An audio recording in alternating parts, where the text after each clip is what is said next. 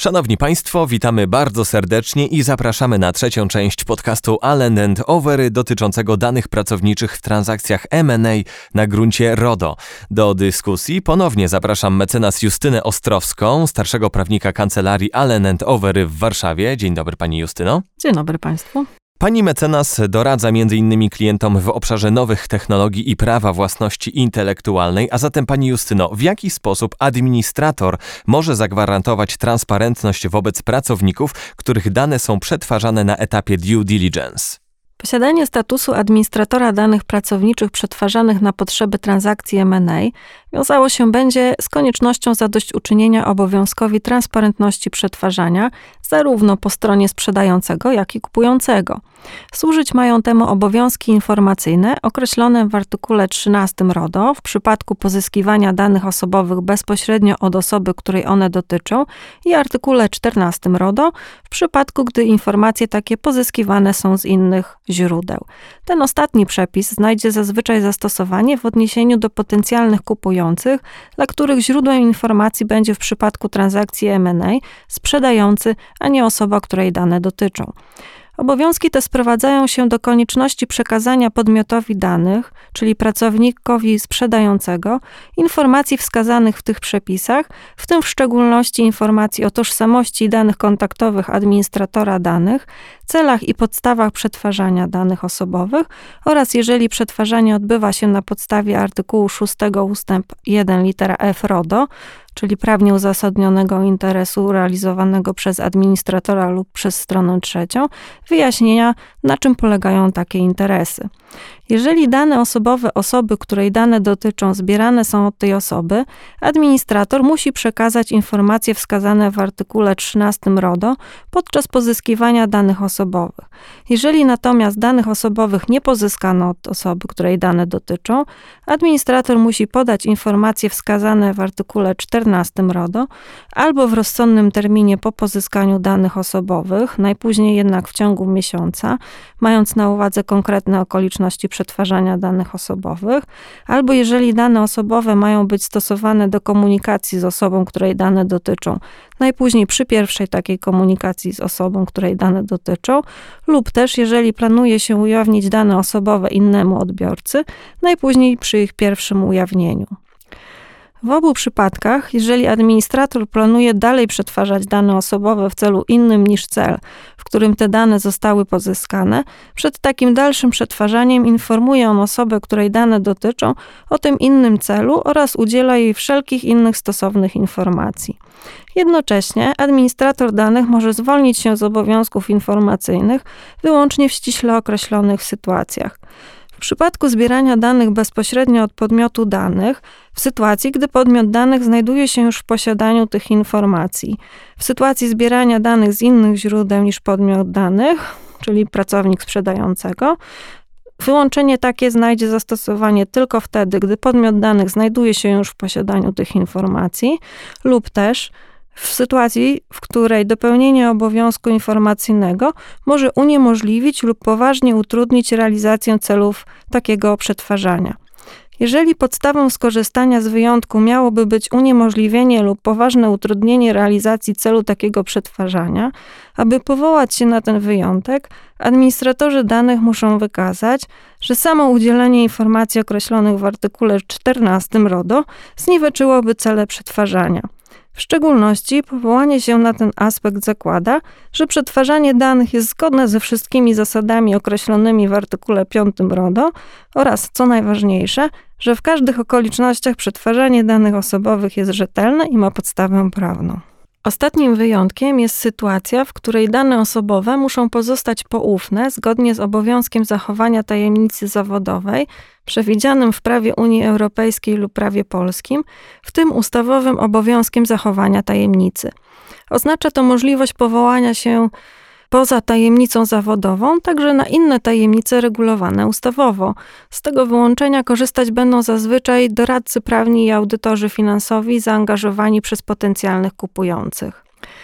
Podanie pracownikom sprzedawanego podmiotu informacji zarówno o planowanej transakcji, jak i tożsamości podmiotów potencjalnie zainteresowanych jego zakupem na wczesnym jej etapie, zwłaszcza na etapie badania due diligence, może zniweczyć nie tylko sens takiego badania, lecz również samej transakcji, zwłaszcza w kontekście znaczenia, jakie może mieć poufność takiej transakcji z punktu widzenia zachowania rynku oraz ryzyka zjawiska tzw. Tak insider trading w przypadku spółek giełdowych, czyli transakcji papierami wartościowymi spółki notowanej na rynku giełdowym, dokonywane przez osoby mające dostęp do informacji niejawnych dotyczących tej spółki i wykorzystujące te informacje do osiągnięcia prywatnego zysku. Administratorzy którym dane osobowe pracowników zostaną ujawnione w związku z transakcją M&A, mogą polegać na artykule 14 ust. 5 punkt b RODO w celu opóźnienia powiadomienia osób, których dane dotyczą, o otrzymaniu ich danych aż do zakończenia transakcji w przypadku zwycięskich oferentów lub uzasadnienia braku takiego powiadomienia w przypadku oferentów, których oferta nie została przyjęta. Pomocny dla kupującego może być także artykuł 11 ust. 1 RODO, który mówi, że administrator danych nie ma obowiązku zachowania, uzyskania ani przetworzenia dodatkowych informacji w celu zidentyfikowania osoby, której dane dotyczą, wyłącznie po to, by stosować się do RODO. Jeżeli kupujący w procesie due diligence uzyska dostęp do danych spseudonimizowanych i nie będzie w stanie zidentyfikować podmiotów danych bez podjęcia dodatkowych czynności i uzyskania dodatkowych informacji, będzie mógł powstrzymać się z wykonaniem obowiązku informacyjnego do czasu, aż identyfikacja taka stanie się możliwa. To jest, gdy uzyska dostęp do pełnych danych osobowych na późniejszym etapie transakcji. Możliwości sprzedającego w zakresie wyłączenia konieczności dopełnienia obowiązku informacyjnego są natomiast ograniczone. Jeżeli polityka prywatności przekazana przez sprzedającego jego pracownikom w momencie zbierania ich danych osobowych wskazywała realizację potencjalnych transakcji fuzji i przejęć jako jeden z celów, w jakim sprzedający będzie przetwarzał dane pracownicze, jednocześnie określając podstawę takiego przetwarzania, zgoda lub uzasadniony interes administratora danych, tym administratora, któremu dane zostaną ujawnione i kategorie odbiorców, którym dane te mogą zostać udostępnione, sprzedający mógłby skorzystać z wyłączenia, o którym mowa w artykule 13 ust. 4 RODO. Taka ogólna informacja spełniała będzie wymóg transparentności przetwarzania, nawet jeśli podmiot, któremu dane mogą zostać ujawnione w związku z planowaną transakcją na etapie przekazywania tych informacji, nie jest jeszcze znany, w związku z czym jego tożsamość nie jest ujawniona pracownikowi. Jeśli ta informacja nie była przekazywana osobom, których dane dotyczą, kiedy ich dane osobowe zostały zebrane, sprzedający może nie być w stanie wywiązać się z obowiązku nałożonego artykułem 13 ust. 3 RODO bez uszczerbku dla poufności transakcji lub w pewnych okolicznościach narażenia się na pogłoski rynkowe, które mogą mieć wpływ na cenę jego udziałów lub akcji. Pani mecenas, jak w kontekście transakcji fuzji i przejęć wygląda transgraniczne przetwarzanie danych pracowniczych? RODO zabrania przekazywania danych osobowych poza obszar EOG, o ile nie jest spełniony jeden z warunków określonych e, w rozporządzeniu. Jeżeli w transakcji będą brały udział podmioty spoza Unii Europejskiej, np. potencjalni oferenci, doradcy stron, dostawca VDR mający siedzibę poza EOG, którym sprzedający zamierzał będzie udostępnić dane osobowe swoich pracowników na którymś z jej etapów, sprzedający będzie musiał dodatkowo spełnić warunki określone w RODO. Co istotne, warunki te muszą być spełnione przed przekazaniem danych poza obszar EOG, a więc zazwyczaj jeszcze przed udostępnieniem dokumentów zawierających takie informacje w data room. Zaznaczyć również należy, iż z przekazaniem danych osobowych do państwa trzeciego będziemy mieli do czynienia nie tylko w sytuacji, gdy dane osobowe fizycznie opuszczą terytorium EOG, lecz również w sytuacji, gdy podmioty mające siedzibę poza EOG uzyskają dostęp do danych osobowych przechowywanych na terenie EOG. Okoliczność ta może mieć istotne znaczenie w kontekście udostępnienia danych osobowych pracowników za pośrednictwem wirtualnego data room posadowionego co prawda na serwerach zlokalizowanych w do którego dostęp uzyskują jednak podmioty spoza EOG. W przypadku transakcji M&A Najczęściej wykorzystywanym mechanizmem transferu danych poza obszar EOG będzie decyzja Komisji Europejskiej stwierdzająca odpowiedni poziom ochrony danych osobowych w danym państwie. W przypadku potencjalnych oferentów, doradców lub dostawców VDR zlokalizowanych w państwach, w odniesieniu do których wydana została taka decyzja, przekazanie będzie się mogło odbywać bez potrzeby uzyskania dodatkowego zezwolenia. Dotychczas Komisja Europejska wydała takie decyzje w odniesieniu do Andory, Argentyny, Kanady, Wysp Owczych, Guernsey, Izraela, Wyspy Men, Jersey, Nowej Zelandii, Szwajcarii, Urugwaju, USA, oczywiście w zakresie ograniczonym do programu Privacy Shield oraz ostatnio Japonii. Przekazanie takie może nastąpić również w oparciu o tak zwane standardowe klauzule ochrony danych przyjęte przez Komisję Europejską. W okresie obowiązywania dyrektywy 95 na 46 Komisja przyjęła trzy decyzje zawierające klauzule modelowe. Dwa zestawy klauzul modelowych dotyczących przekazywania danych osobowych do administratora w państwie trzecim. Pierwszy zestaw został zatwierdzony w 2001 roku, drugi natomiast w 2004 roku oraz jeden zestaw klauzul modelowych modelowych z 2010 roku dotyczących przekazywania danych osobowych do podmiotów przetwarzających w państwie trzecim.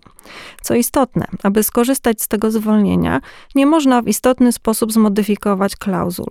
Możliwe jest jedynie wprowadzenie opcjonalnych warunków komercyjnych wskazanych w drugim zestawie z 2004 roku. Wszystkie trzy decyzje są aktualnie wiążące i mogą być wykorzystywane na potrzeby zapewnienia zgodności transferu danych osobowych poza EOG z RODO. Trzecim mechanizmem, który może mieć zastosowanie w tym przypadku, są wiążące reguły korporacyjne spełniające wymogi artykułu 47 RODO, które będą mogły mieć zastosowanie jednak wyłącznie do przekazywania danych osobowych pomiędzy członkami grupy kapitałowej w ramach wewnętrznych procesów restrukturyzacji. RODO dopuszcza również możliwość dokonywania transferu danych do państwa trzeciego w oparciu o wyraźną zgodę podmiotu danych, czyli pracownika sprzedającego. Mając na uwadze kryteria, jakie musi spełniać zgoda podmiotu danych na gruncie RODO oraz wymóg, by zgoda mogła być odwołana w każdym czasie, praktyczne znaczenie tej podstawy prawnej z punktu widzenia transakcji M&A będzie jednak raczej znikome. Pani Justyno, wszystkie omówione dotychczas obowiązki dotyczą w głównej mierze sprzedającego. O czym powinien pamiętać kupujący? Z perspektywy zapewnienia zgodności z RODO, badając kwestie związane z zatrudnieniem w spółce, w przedsiębiorstwie, będącej przedmiotem transakcji, potencjalnie kupujący powinni, zwłaszcza na wczesnych etapach transakcji, żądać dostępu tylko do takich danych osobowych pracowników nabywanego podmiotu, jakie są im niezbędne dla dokonania oceny opłacalności i wielkości ryzyka związanego z inwestycją. Dostęp ten najczęściej realizowany będzie na podstawie przesłanki tzw. Tak uzasadnionego interesu administratora, określonej w artykule 6 ust. 1 litera F RODO, w związku z czym zapewnienie równowagi pomiędzy interesem potencjalnego nabywcy, a interesami podmiotów, których dane dotyczą, będzie niezwykle istotne z punktu widzenia zasad ochrony prywatności. Zasada minimalizacji powinna w konsekwencji znaleźć swoje odbicie również w tzw. Tak listach audytowych oraz kwestionariuszach QA przekazywanych sprzedającemu przez potencjalnego kupującego w toku procesu due diligence. Zamiast prośby o udostępnienie wszystkich zawartych przez sprzedającego umów z pracownikami lub informacji dotyczących zatrudnienia poszczególnych pracowników, wystarczająca będzie prośba o udostępnienie np. aktualnego wzoru standardowej umowy o pracę, umowy zlecenia, umowy o dzieło, umowy o świadczenie usług funkcjonujących w spółce oraz potwierdzenie, czy wszyscy pracownicy i współpracownicy są zatrudnieni na podstawie tych wzorów. Nie ma również potrzeby uzyskiwania szczegółowych informacji o zatrudnieniu określonej osoby, wystarczająca będzie aktualna informacja o liczbie zatrudnionych na podstawie umów o pracę oraz poszczególnych typów umów cywilnoprawnych wraz z rozróżnieniem umów o pracę na czas próbny, określony, nieokreślony, zastępstwo, aktualnych danych o średnim wynagrodzeniu w rozbiciu na stanowiska, a nie w odniesieniu do konkretnych osób, zbiorczych danych na temat wypadków przy pracy wraz z podaniem, czy w przeszłości dochodziło do jakichkolwiek wypadków śmiertelnych, na przykład za okres ostatnich pięciu lat, czy zbiorczych danych na temat pracowników podlegających szczególnej ochronie, takiej jak urlop macierzyński, okres ochrony przedemerytalnej.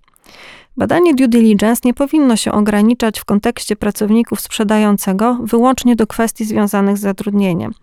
Pozostawienie poza zakresem badania due diligence kwestii przestrzegania przez nabywany podmiot względem zatrudnionych przez niego osób aktualnie obowiązujących przepisów dotyczących ochrony prywatności, w tym w obszarze implementacji środków bezpieczeństwa adekwatnych do rodzaju przetwarzanych informacji i danych, skutkować może koniecznością poniesienia przez kupującego dodatkowych kosztów po zakończeniu transakcji związanych z dostosowywaniem nabywanego podmiotu do wymogów aktualnie obowiązującego prawa, które w żaden sposób nie zostały uwzględnione w cenie nabycia.